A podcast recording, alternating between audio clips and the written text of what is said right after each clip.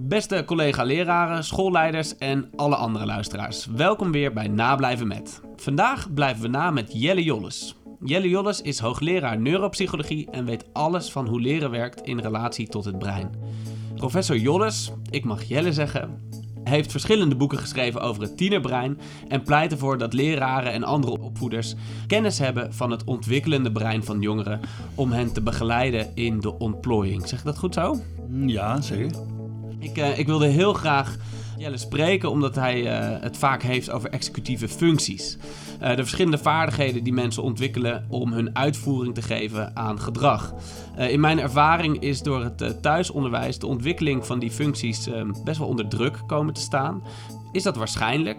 Wat zijn de executieve functies eigenlijk precies en wat kunnen we concreet doen uh, nu onze leerlingen weer naar school komen? Vandaag blijven we dus na met professor Jelle Jolles.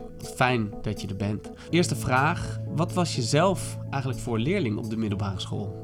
En waar stond die middelbare school eigenlijk? Die middelbare school die stond in Den Haag. Een uh, gymnasium, Gymnasium Aganum. Ik ben nog heel erg trots dat ik daar ja, op school heb gezeten. Fantastische school. Ja. Ik was een hele matige tot een slechte leerling. Zeker de eerste klasse. Ik ben in de tweede klas blijven zitten met twee negens voor gym en tekenen. En de rest was een zes voor Engels en de rest was ver daaronder. Ja. Mijn uh, hoofdleraar die zei, Jelle, je moet maar van school af. Althans, de andere leraar die willen dat. Maar ik vertrouw in je. Je mag blijven zitten. En dus hier blijven. Ik was met alles bezig. En dat is ongelooflijk fijn om terug te kijken naar een school die in staat stelt om heel veel vaardigheden op te doen. Veel kennis en interesse te hebben. Dat heb ik op die school eigenlijk geleerd. Dankzij school of ondanks school ben ik er gekomen. Ondanks het feit dat ik op mijn eindexamen nog een vijfje had voor scheikunde. En ik ging scheikunde studeren. Ja. Dus, en ik ben een paar jaar later cum laude afgestudeerd in de scheikunde. Dus uiteindelijk is het goed. En ik vind het wel fijn om dat te merken, omdat je dus daarmee ook vertrouwen kunt hebben in leerlingen. Ook al zijn ze niet zo goed op een bepaald moment. Het kan best zijn dat ze twee jaar later een sprintje trekken mm -hmm. en dan toch heel erg goed worden. En uh, om even over dat sprintje, uh, uiteindelijk fast forward, uh, op een gegeven moment word je neuropsycholoog.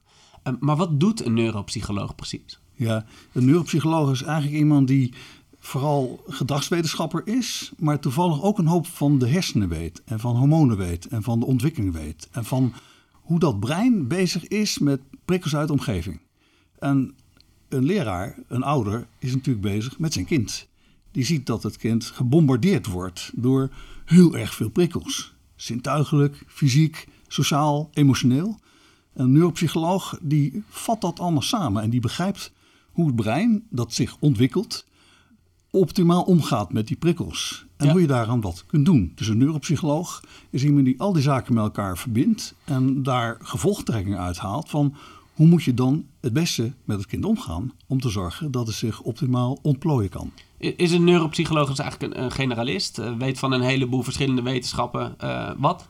Nou, je hebt een heleboel soorten neuropsychologen. Ja. Ik ben zelf eh, heel veel jaar heb ik gewerkt in de kliniek. We hebben een geheugenpolykliniek opgezet, een leerpoly voor kinderen. Dus dan ben je vooral bezig met functiestoornissen. Met ADHD, met autisme, met eh, vormen van schizofrenie of kinderen die depressie of angst hebben. En daar heb ik heel veel jaar in gewerkt met veel eh, medewerkers, gezondheidszorgpsycholoog in opleiding. En van daaruit ben ik veel meer gegroeid naar de normale ontwikkeling. Omdat een paar jaar geleden nog gedacht werd van ja, een kind wat niet zo goed is met leren, zeg maar, is een leerstoornis. En we zeggen nu, nee, die is gewoon in onze ontwikkeling vertraagd. Maar er zijn natuurlijk heel veel neuropsychologen die zich echt 100% van de tijd met ziekte bezighouden. Met hersenletsel, met schizofrenie, met Ja, want dat is een belangrijk verschil. Hè? Ja. Eh, je houdt je niet zozeer bezig met ja, mensen waar het misgaat, maar mensen die nog niet, eh, eh, wiens hersenen nog niet voltooid zijn, oftewel jongeren. Ja, ik, heb, ik ben nog steeds ook bezig met mensen van middelbare leeftijd. Eh, die in, zo'n crisis zitten. Het gaat niet meer zo goed. Die merken dat het geheugen niet zo goed gaat. Of met veroudering. Dus eigenlijk gaat het over de dynamiek van ontwikkeling tot veroudering tot hoogbejaard. Ja, Maar juist dat hele leeftijdsperiode tussen 0 en 25 jaar is fantastisch. Omdat dat natuurlijk een periode is dat de hersenen nog plastisch zijn en dat er heel veel gebeuren kan. Dat is ook wat ik door de jaren heen gemerkt heb. De leraar als motor van de ontplooiing.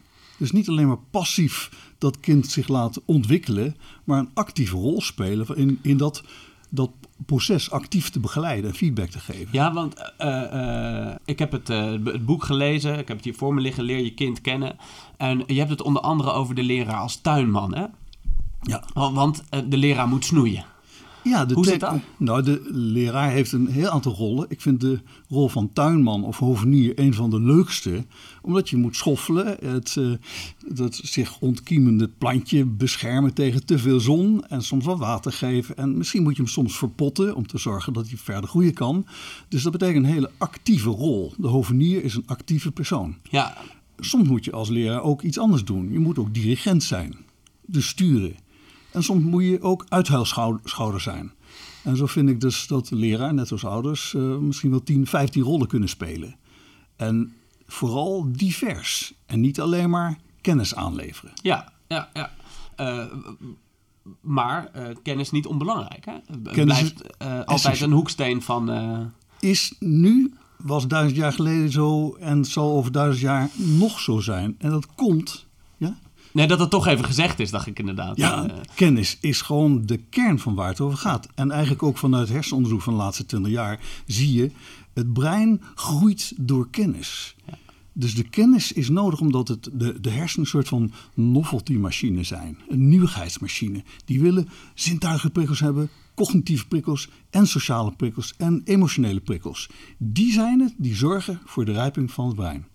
En uh, waar wij het uh, op dit moment uh, specifiek over wilden hebben, waren de executieve functies. In de leeftijdsgroep 12 tot 18. Maar dat, dat brein dat blijft zich nog steeds ontwikkelen tot na, de 18, tot na uh, je 18e. Hè? Maar natuurlijk 12 tot 18, omdat uh, dat in het, onze leerlingen zijn in het VO. Ja. Um, eventjes voor de mensen die het niet weten. Wat zijn executieve functies precies? Heel globaal genomen zijn de executieve functies uh, die bepalen hoe de kennis die binnenkomt geselecteerd wordt, gefilterd wordt. Welke kennis relevant is, welke niet relevant. Relevant voor straks, relevant voor morgen, relevant voor over 14 jaar. Dus de executieve functies die zijn essentieel voor alle vormen van leren. En voor alle vormen van je aanpassen aan de samenleving en je, je plek daarin vinden. Nou, nu toegespitst, uh, ik noem een heel aantal woorden die iedereen herkennen zal. Mm-hmm. Kiezen, beslissen, plannen, prioriteren, invoelen, empathie hebben, begrijpen wat de ander bedoelt. Uh, dus leren sowieso in de vele vormen ervan. Um, dit soort processen die ontwikkelen zich in de loop der tijd, van je nulde tot 25 zeg maar. Nog twee hele essentiële zaken zijn zelfinzicht en zelfregulatie. Dat zijn ook twee woorden die eigenlijk impliciet in iedere coaching, in iedere begeleiding, in iedere leraar zitten. Want dankzij feedback van de omgeving ontwikkelt zich zelfinzicht. Dat betekent dat een kind van 12 of van 15 denkt: Oh ja, zes, een zesje. Ja, fijn. Maar ik wil niet een zes hebben, ik wil beter. Dus dan heb je een zelfinzicht. Waarom had ik een zes? Wat heb ik verkeerd gedaan? Wat zou ik beter kunnen doen? Dus die vorm van zelfinzicht leidt ertoe dat je straks jezelf anders aanpakt. Dat je je huiswerk anders aanpakt. Dat je weerstand biedt tegen Piet die op het raam klopt en zegt: Kom maar even buiten spelen. Dus executieve functies zijn al die processen die nodig zijn om prikkels van buiten even vast te houden in je werkgeheugen. Vervolgens diep op te slaan of juist weg te gooien. Want 90% van de prikkels die wij krijgen moet niet opgeslagen worden. Gooien we weg. Die gooien we weg. Dus en dat echt, moet ook. Dat moet ook. Ja. Het selectiemechanisme zorgt dat je moet vergeten. Het is natuurlijk wel tragisch als je op school vooral vergeet wat de leraar naar voren brengt. En dat je alleen maar onthoudt de onzininformatie die je soms ook tot je krijgt van je vriendjes. Dus in de loop van de, van de middelbare schooltijd leer je wat de relevante dingen zijn en welke de minder relevante zijn. En, en wat is dan de rol um, van de leraar? Is het dan de rol van de leraar om te bepalen wat de relevante dingen zijn? En kunnen wij dat wel? Nou, de leraar heeft natuurlijk een heel groot overzicht over de kennisstof ja. die hij of zij moet overbrengen. En dat is waar je je vak voor geleerd hebt. En vaak heb je in de praktijk ook heel veel pedagogische vaardigheden geleerd. Dus ik ken enorm veel leraren die prima met de executieve functies kunnen omgaan, ook al kunnen ze ze niet apart benoemen. Maar wat wij nu zeggen is dat er zo verschrikkelijk veel kennis is verkregen de laatste 15 jaar over welke executieve functies er zijn en wat je ermee moet doen, dat het heel handig is voor school en voor leraar om daar expliciet aandacht aan te besteden. Ja, precies. Want er, is de, vijf, de laatste 15 jaar dus wel uh, echt verandering in gekomen in hoe we dit zien. Ja. Um, dat heeft vermoedelijk te maken met hersenonderzoek, uh, met hoe het brein werkt. Het is enerzijds heeft te maken met hersenonderzoek, ja, maar anderzijds vooral ook met gedragswetenschappelijk onderzoek. Mhm. We weten over de ontwikkeling van kinderen weten we enorm veel meer. Uh, nog niet zo lang geleden dacht men dat je zo rond je tiende, twaalfde jaar, dat het dan ongeveer wel klaar was. Want dan is je brein op zijn grootst. En men dacht, dan ben je eigenlijk een soort van kleine volwassene. En die kleine volwassene die wordt groter fysiek. En ook groeit die met wat meer ervaringen. Niet zo te wezen. De adolescentie, die loopt tussen 10 en 25 jaar, is een essentiële aparte tussenfase tussen de kindertijd en de volwassenheid. Ja. Een fase die ook, hè, uit dat nieuwe onderzoek blijkt dat, een fase waarin je gewoon informatie moet opdoen uit de omgeving. Niet uit je gezin, niet uit je klas, maar van je vrienden, van je vriendinnen, van de mensen waar je eigenlijk een beetje vijand over bent, over de politie, over waarom de samenleving is zoals die is. Dus dat wordt in dat zich ontwikkelende adolescentenbrein opgeslagen. En dat is natuurlijk gigantisch belangrijk voor iedere leraar om te begrijpen waarom Lydia of Pim of Ahmed in andere dingen geïnteresseerd is dan wat jij toevallig aan het doseren bent. Ja. En dat is gewoon het sociale brein van de tiener, is, daar weten we echt heel veel van. Eigenlijk die laatste 15 jaar. En dat zou je dan in het onderwijs veel meer moeten gebruiken. Ja, precies. Want betekent dat nou dat de kennis die we hebben opgedaan de laatste 10, 15 jaar, dat dat ook betekent dat onze klaslokalen, onze scholen anders zouden moeten inrichten? Of um, uh, ligt het subtieler? Ik denk sowieso dat de fysieke omgeving van de klas. Dat is natuurlijk iets wat nog steeds zich baseert op de kloosterscholen uit de 14e en 13e eeuw. Een beproefd concept, zou je kunnen een zeggen. Een beproefd ja. Eh, concept, prima. Maar intussen is de samenleving wel een klein beetje veranderd. Ja. En ook de school anno 1890 of van 1920 met de, eh, de onderwijswetten van toen, hartstikke belangrijk. Maar de samenleving is anders. En alleen al het feit dat we internet hebben en dat gewoon de sociale media zo'n enorm grote rol spelen, die zorgt ervoor dat we het anders kunnen doen. Ehm, even terug naar het afgelopen jaar, dat natuurlijk heel veel onderwijsinstellingen zeiden: ja, heel vervelend corona, maar het is wel een opportunity. We mhm. gaan nu laten zien dat online onderwijs prima is. En online onderwijs is alleen maar voor een, voor een klein deel goed en voor een groot deel niet. Omdat het sociale brein van de tiener gedepriveerd wordt. Dus het sociale brein van de tiener wil gewoon ruiken. Wil gewoon vrienden en vriendinnen aan kunnen raken. En gewoon in een groepje van vijf, zes mensen om je heen. Op het schoolplein, in de schoolbank. Wil lol maken in een klas. En dat is niet om de leraar te beschadigen, maar omdat het er gewoon in zit. En dat weten we eigenlijk nu het laatste jaar. En daar moet je wat aan doen. Dus de sociale en emotionele vorming van een tiener is essentieel, ook voor de cognitieve vorming. En kijk, die, die sociale en emotionele vorming, ehm, ja, die staat nu dus eigenlijk al een jaar min of meer, ja, hoe zou ik het zeggen, op de tocht. Ja. Uh, ik heb leerlingen uh, die zeggen, ja, ik snap het allemaal nog wel, uh, de lessen. En pff, jullie doen het allemaal prima, leraren, jullie doen je best. Maar ja, ik mis al mijn klasgenoten, ben niet meer gemotiveerd om dit op een goede manier te doen.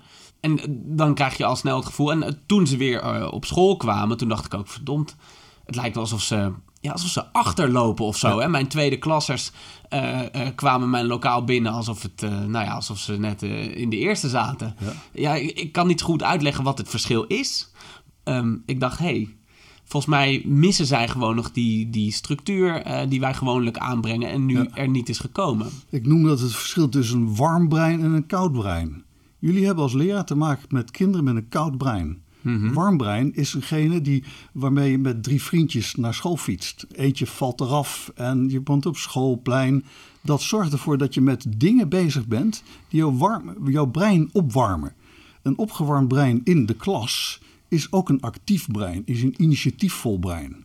Dus gewoon die sociale prikkels die zijn nodig voor een soort van pre-activatie. Voor de vorming van de arousal die nodig is om nieuwe prikkels binnen te halen. Ja. Dus gewoon platte cognitieve kennis. Je kunt dat stampen. En er zijn natuurlijk heel veel brave kinderen die dat doen. Maar dat stampen dat leidt niet tot activatie van het zogenaamde limbische systeem. Het limbische systeem, daar zit een, structuur in die heet amygdala. Dat lees je wel eens in de krant. Amygdala die heeft een rol in dit is belangrijk en dat is niet belangrijk. Letterlijk zet dat limbische systeem een vlaggetje in je brein. Dit is important, dit is belangrijk. Dat doet het limbische systeem.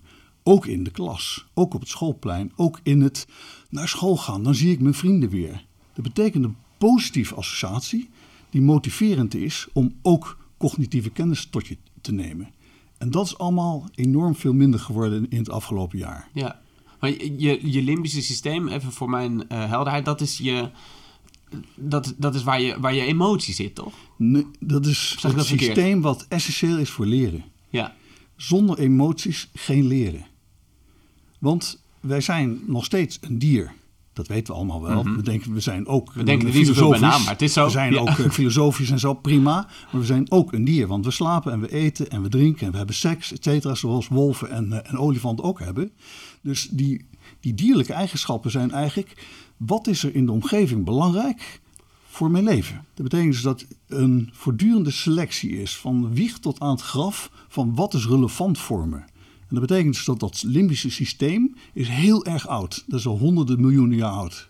Dus alle voorlopers van de mens hadden dat ook.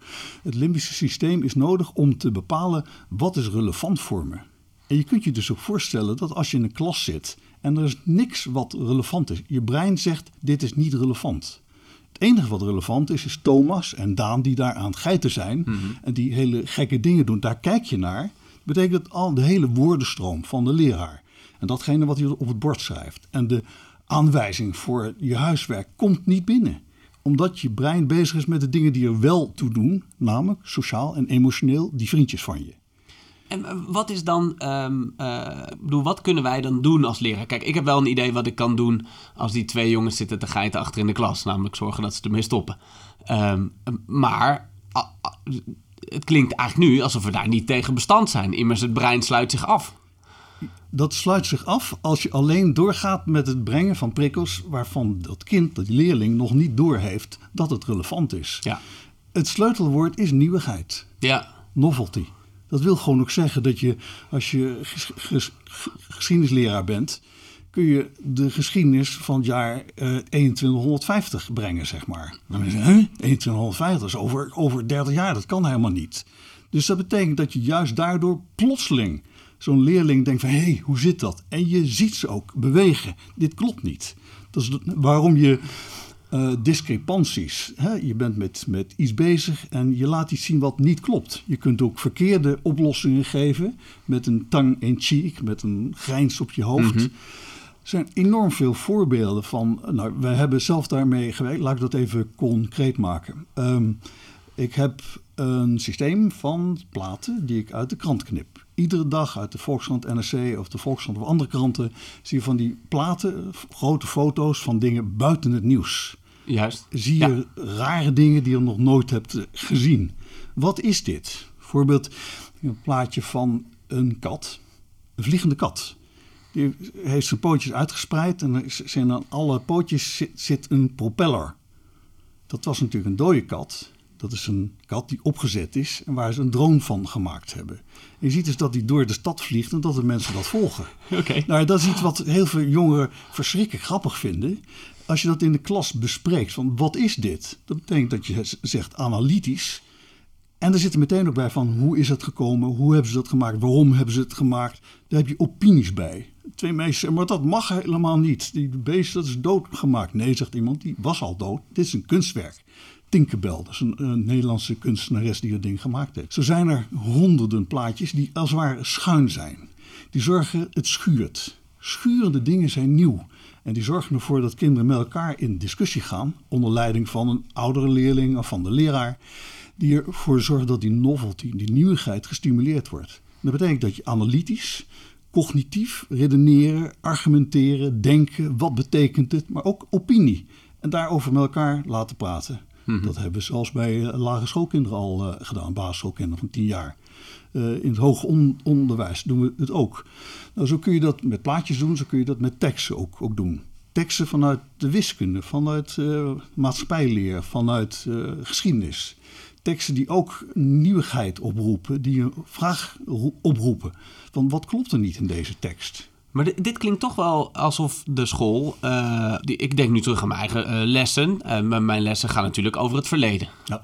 dus, dus dat betekent dat het nou, per definitie niet nieuw is. Maar het kan wel nieuw zijn voor de leerling natuurlijk. En het is, het is ook vaak. Kijk, in de praktijk van de klas kan je niet ieder moment de les tot een soort grote hoogte laten, laten gaan. Hè? Dus er moet ook gewoon, nou ja, sommige wat, wat saaie dingen worden gedaan daar zijn leerlingen toch wel gewoon toe in staat. Absoluut. Ik, ik wou net zeggen, ja. Heel erg goed. Maar ik, een voorbeeld van een jongen waar ik zelf mee te maken heb gehad, van een jaar 15. Duidelijk een, een jongen met een behoorlijke intelligentie, maar met hele zwakke cijfers. Leraar die dacht gewoon laat hem uh, laten zakken. En toen zei nee, dat moet niet, want dat is toch wel zonde. Een hele goede leraar zei van, ik laat die jongen mij helpen met het ontwikkelen van mijn website. Mm heeft dat gevraagd. En die zei, ja, dat uh, doe ik wel. Maar zei, leer, kijk, die en die uh, elementen die met, moeten erin. Ik begrijp daar helemaal niks van. En jij wel.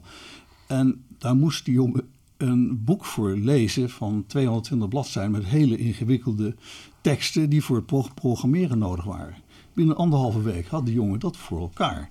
De jongen las niks en heeft gewoon door zijn motivatie en door het feit dat er een soort van schouderklopje van die leraar kwam, gedacht van god, dit ga ik doen. En twee jaar later had hij zijn eigen internetbedrijf en was een, een uh, arrivé op de zeventiende, zeg maar. Dus we kennen allemaal heel veel leraren, daar ben je waarschijnlijk zelf ook, die dit doen. Die die motiverende rol spelen. Betekent dat je toch een stuk basiswoord, interesse in die leerling hebt en aan de hand daarvan iets doet, voorbeelden geeft, aan de hand waarvan die zijn executieve functie, want daar gaat het om, mhm. stimuleert. Dus het feit dat je buiten de orde breekt. Die leerling was ongemotiveerd, zoals we misschien zes van de tien leerlingen ongemotiveerd zijn. Die met twee vingers in de neus de lessen zou kunnen volgen, maar het niet doen omdat ze niet getriggerd worden.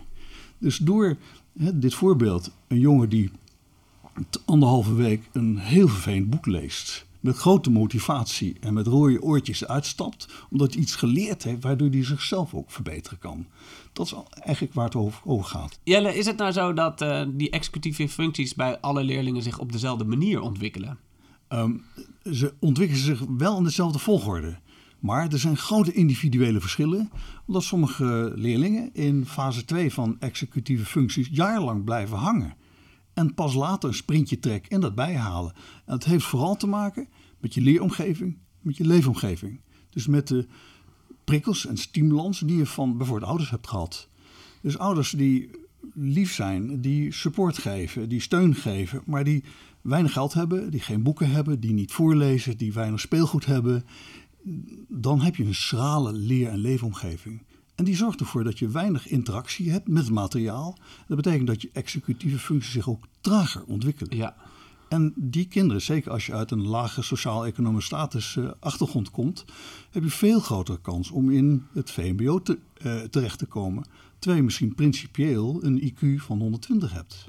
Dus dat betekent dus dat het, het stimuleren van de executieve functies ook al op de lagere school veel meer plek moet hebben, omdat je dan kinderen in een vroege fase ook breed ontwikkeld. En daardoor ook veel meer mogelijkheden geeft om HAVO of uh, eh, VWO te kunnen doen. En dit betekent dus ook uh, dat we die kinderen de ruimte moeten geven om, als ze zich later te ontwikkelen, natuurlijk dat ze, zich, dat ze kunnen overstappen naar de HAVO en naar het VWO. Ja, zo is een goed voorbeeld van uh, van kinderen die naar de HAVO gaan, waarbij een soort van basisstandpunt is van ja, dit kind is gewoon een echte doener, een echt praktijkkind. En IQ is misschien ietsje minder dan bij zijn broer, die gaat naar het gymnasium, is een foute, uh, foute stellingname.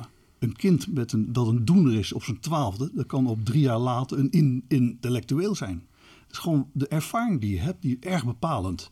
Dus ik vind zelf dat je één grote fout moet niet meer gemaakt worden. Namelijk dat je een kind te snel te gauw een bord op zijn buik hangt. Dit is een doener of een denker of een dromer. Dat is iets wat gewoon nu kan gelden, maar over twee maanden kan het over zijn. Dat betekent dat je vooral naar de groeipotentie van jongeren moet kijken. En dan is het hersenonderzoek daar weer zo mooi voor. Je hebt tot je 25e jaar.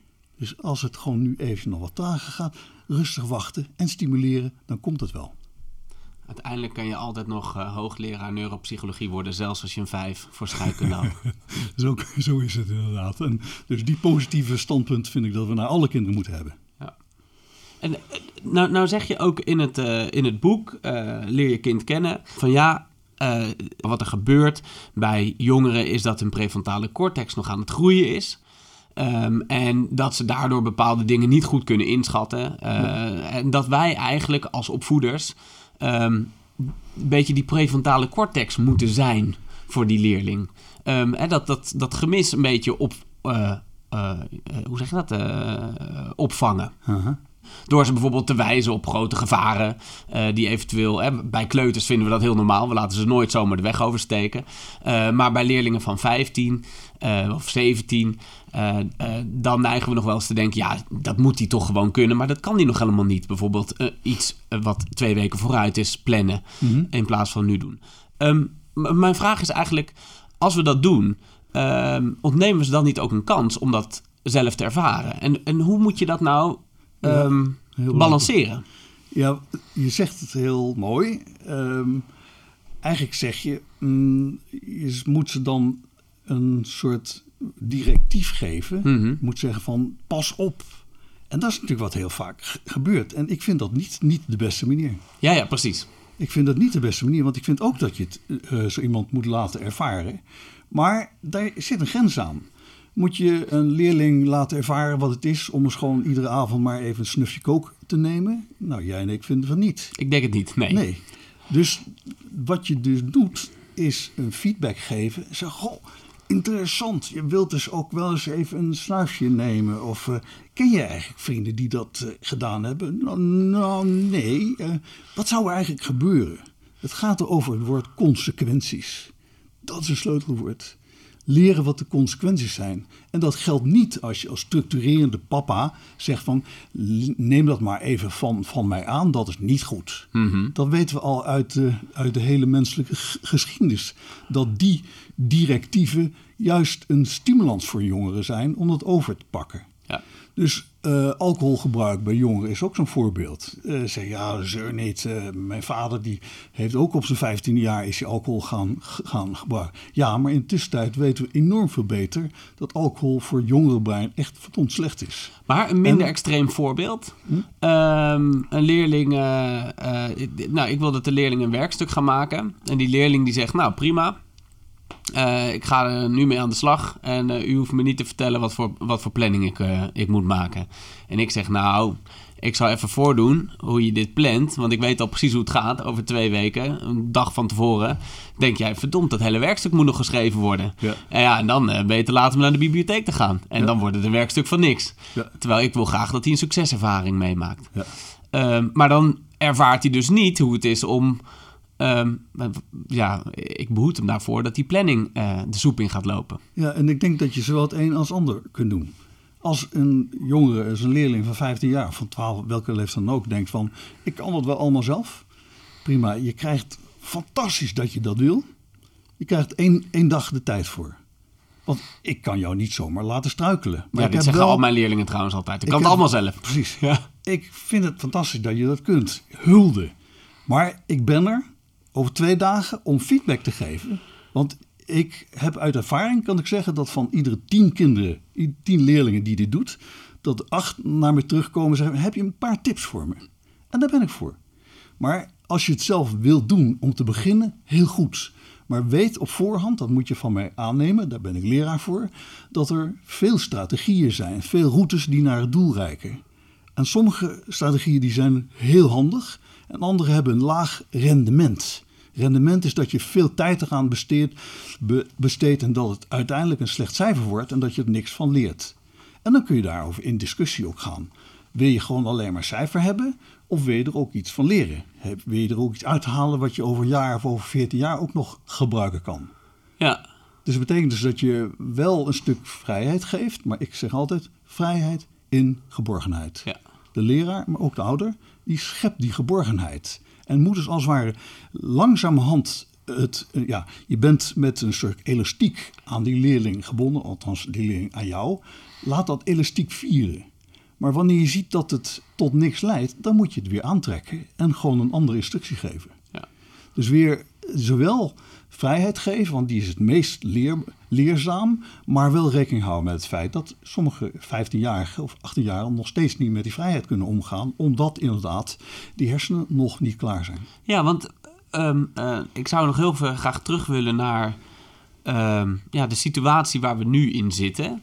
Ehm, ik denk dat we een tijd eh, ja, eh, die leerlingen eigenlijk kwijt zijn geweest. We hebben ze alleen maar achter een scherm gezien. Sommige leerlingen waren gewoon echt kwijt. Uh, die heb je een tijdje niet gezien. Ehm, en dat betekent dus dat ze die, die ontwikkeling niet gemaakt hebben. Ja. Die ontwikkeling waarvan je hoopte dat die, dat die leerling hem zou maken. Ja. Um, ja, wat te doen? Wat te doen bij, bij die leerlingen die nu ja, dat gemist hebben? Dat, dat plannen gemist hebben, um, uh, die telkens um, uh, les hebben gevolgd vanuit hun bed en met hun telefoon ernaast, waar ze ondertussen ja. de hele tijd uh, appjes kregen van nou, die vriendjes die ze zo leuk vinden. en ja. dus helemaal die lessen niet gevolgd hebben, maar ook die ontwikkeling in hun executieve functies eigenlijk niet hebben gemaakt. Uh, ik vergelijk het met uh, een kind wat buiten zijn schuld om uh, een ongeval krijgt. Ja. En die in het ziekenhuis belandt. Moet een been is gebroken, moet gezet worden. zijn een aantal andere dingen. Die uiteindelijk een half jaar geen, geen les krijgt. En eigenlijk dat hele schooljaar is verloren. Ja. Veel van dat soort leerlingen komen uiteindelijk goed terecht. Omdat ofwel hun ouders of school of beide wat extra support geven. En een jaar of twee jaar later, dan is die dip is over. Dus het positieve verhaal, wat ik hiermee wil zeggen, het is inderdaad voor de meeste kinderen heel erg lastig. De meeste kinderen komen hier overheen, mits inderdaad, net als met dat kind in het ziekenhuis, er support is van ouders en van school. Die ouders die willen wel, maar die weten niet, niet hoe. Dat is waarom ik het onderwijs zo verschrikkelijk belangrijk vind. Jullie kunnen, denk ik, ouders inschakelen met kennis zoals we hebben. Zoals kennis zoals ik in dat boek heb staan en zoals er veel anderen zijn. Uh, jullie hebben de beschikking daarover. En dat betekent dus dat je gewoon actieve interventies moet doen in school. Vraag je wat? Nou, het le leer jezelf kennen. Dus leer, leer leerling kennen, leer jezelf kennen. Daar hoort ook bij van... Ik merk, ik ben 14, ik heet Chantal... en ik merk dat ik gewoon naar school toe wil. Al een hele tijd. En nu mag ik eindelijk. Terwijl ik vorig jaar school verschrikkelijk vond. Waarom is dat? Ja dat een leerling die weet sociaal brein, oh, nu begrijp ik het beter. En dus dat een leerling zichzelf leren kennen wil gewoon zeggen zelfinzicht en zelfregulatie. En die is, zoals ik net besprak ook al, ongelooflijk belangrijk om te leren. En, dus en dat... het gaat er ook om dat, dat wij er uh, uh, leerlingen helpen om hier taal aan te geven. Dat ze dus kunnen uitleggen wat ze eigenlijk voelen. Inderdaad, hartstikke goed dat je het zegt. Taal is zo'n belangrijk hulpmiddel, omdat natuurlijk onze communicatie, een groot deel van de communicatie met leerboeken en wat de leraar zegt, is taal. Heel veel leerlingen die hebben natuurlijk de taal van hun ouders of van het gezin. Ja, ouders hebben het ook hartstikke druk en dat komt er niet. Dus je kunt gewoon taal in taal leren waar het over gaat. Dat wil gewoon zeggen dat je iedere leraar, of je nou wiskundeleer, geschiedenisleer of wat dan ook bent, moet je toch proberen om buiten de orde van jouw toevallige vakgebied te komen. Mentoren op de middelbare school is natuurlijk heel belangrijk daarvoor. Ik heb een sterk pleidooi dat mentoren op middelbare school met dan de vakdocenten proberen daarmee vorm aan te geven. Mm -hmm. We hebben daar een aantal jaren uh, gewerkt op middelbare scholen met echt een vak. Leer je leerling kennen.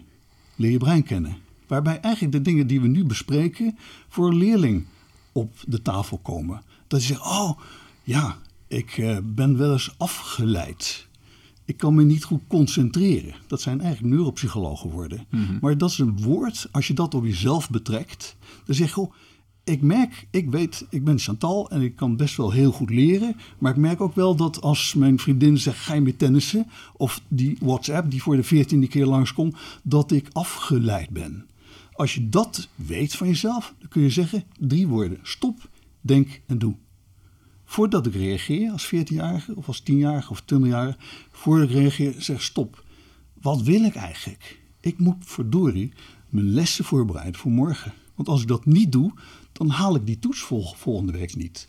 Dus dat is ook weer taal. Dus in taal geef je zelfinstructie. Die zelfinstructie leidt tot zelfinzicht en die leidt ook weer tot zelfregulatie. Dus die kernfuncties, daar kun je heel simpel als ouder, maar vooral als leraar in helpen. Het mooie is, het feit dat, dat het sociale brein van de tiener vooral geïnteresseerd is in andere tieners, betekent dat je groepjes van vier leerlingen bij elkaar kunt zetten. Zes of tien kan ook, maar maak het niet te veel. Zorg dat ze niet hun vriendjes erbij halen, maar selecteer kinderen die eigenlijk niet bij elkaar horen. Twee jongens, twee meisjes. Want jongens leren van meisjes, hoewel ze hartstikke stom vinden. Meisjes leren van jongen, hoewel ze ze hartstikke stom vinden. Ze hebben een ander denkproces. En dat leer je door elkaar met, elkaar te laten spreken. Niet over iets amorfs of niet over ja, of nou, uh, wie nou eigenlijk uh, Napoleon naar uh, Sint, Sint Helena verbannen heeft of wat dan ook. Er zijn natuurlijk heel veel vakaspecten, maar juist dingen die met die executieve functies te maken hebben. Dus leren denken. Leren denken en redeneren. En die, zijn, die zorgen ervoor dat je heel snel een stap omhoog doet. Dus door die woorden heb je een handvat om naar jezelf te kijken. En naar jezelf te kijken waarom je altijd ruzie met je moeder krijgt. Mm-hmm. Terwijl de moeder toch eigenlijk is wel heel erg oud. Die is al 40 jaar of zo, bejaard bijna. Zo. Maar is toch wel uh, hartstikke lief eigenlijk. Ze bedoelt het goed, maar is een beetje stom in haar aanpak. Dat is iets wat heel veel tieners na verloop van jaren beseffen. Maar daar kun je ze in helpen, waardoor de relatie met hun ouders beter wordt. Waardoor de ouders op afstand hun kunnen helpen om door hun schooltijd heen te komen. Als nou, als nou leraren zeggen, uh, ik wil hier meer van weten. Volgens mij zijn die executieve functies uh, uh, precies waar het nu aan schort. Of waar, waar ik meer over, over moet weten. En ik, ik wil er ook benamingen aan geven. Wat kunnen ze het beste doen? Hoe kunnen leraren zich verder verdiepen? Ja, dat is een goed punt. Um, er is een boek wat al tien jaar geleden beschikbaar is gekomen voor executieve functies op school, maar dat is vooral voor de basisschool. Ja. En in de tussentijd weten we gewoon zoveel meer over de, over tienertijd en adolescentie. Uh, in de eerste plaats mijn eigen boek. Is ja, natuurlijk. natuurlijk Laten we beginnen met het, het boek maar, uh, Leer je kind kennen natuurlijk. Ja. Nou, daar, daar ga ik heel uitgebreid in, juist op de verschillende executieve functies met heel veel Klopt. boxen en kaders van hele concrete aan, aanwijzingen. Die heb ik samengevat, ook uit andere boeken hierover, maar gewoon Engelstalig. Die zijn moeilijk beschikbaar. Dat uh, in de tweede plaats zorg ik dat er een, een, een, een heel handzaam kernartikel komt, wat bij jullie op de site komt. Ja. Als soort van uh, aan, aanbevelen reading, zeg maar. Met ook van waar je verder kunt zijn. En dat is dan gratis beschikbaar, zeg maar. Dan kun je aan de hand daarvan zien van waarom het eigenlijk zo relevant is. Als Ja. een aanvulling, zeg maar. Um, en ik Dat heb is ook... overigens een, een, een artikel in het tijdschrift Decazine. Dat is, eh, heb ik een maand geleden, is dat beschikbaar gekomen. Dat is het tijdschrift voor de schooldecaan en schoolbegeleiders, zeg maar. Leerlingbegeleiders. En dat gaat... Zij vragen ook van, wat moet je doen? Het gaat eigenlijk over dezelfde punten. Ja, ja, ieder- ja, dit, is, dit is wat iedereen altijd wil weten natuurlijk. Ja. Wat moet je nou precies doen? En eh, eh, ja, het is natuurlijk... Het ligt natuurlijk eh, ligt aan de leerling ook. Dat is altijd het, het, misschien ook wel het vervelende antwoord. Er is niet één manier. Maar ook wel weer een geruststellend antwoord, vind ik soms. Ja, ik denk wat, wat voor iedere leraar, maar ook voor de leerling zelf en vaak voor ouders ook belangrijk is om te weten dat er zulke eno- enorme individuele verschillen zijn. Er zijn leerlingen van 14, 15 jaar die eigenlijk niks meer hoeft te zeggen, die het allemaal zelf doen. En die zijn al eh, op zijn 16 jaar kun je gekozen worden voor het Europese par- parlement. Er een 17 jaar. Dat is wel minderheid, toch? Wethouder, dat is wel een grote minderheid. Maar principieel kan het. En ik krijg wel te, wel te horen van, als dat kan, ja, dan is het eigenlijk niet waar met die ontwikkeling. Mhm. Het is wel waar, omdat er sommige kinderen zijn, jeugdige, adolescenten, 22, 23 jaar, die dan pas een beetje klaar zijn. Ik werd dus zelf wakker op mijn 2, 23 jaar. En dacht van, oh, gaat het hierover? Waarom hebben ze me dat niet eerder verteld?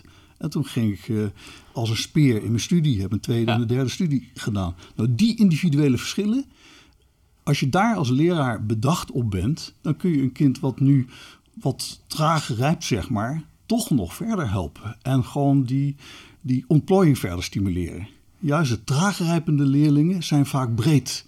En breed is heel goed voor onze, in onze samenleving. Dat betekent dat je heel veel richtingen uit kunt. Ja, ja. Daar is natuurlijk de leraar ongelooflijk belangrijk als motor van die talentontwikkeling. Om te laten zien wat er allemaal is ook. Ja. Ja. eh, ontzettend bedankt. Eh, dit was Nablijven Met, een podcast van de VO-raad in het kader van voortgezet leren. Aan deze podcast werkten mee Jesse van den Doren en Leslie Breem. Heb je nog vragen aan Jelle Jolles? Eh, dan kan je die stellen via Edualdo, de plek waar leraren elkaar vragen kunnen stellen. En Jelle Jolles zal hier de komende twee weken vragen van luisteraars beantwoorden.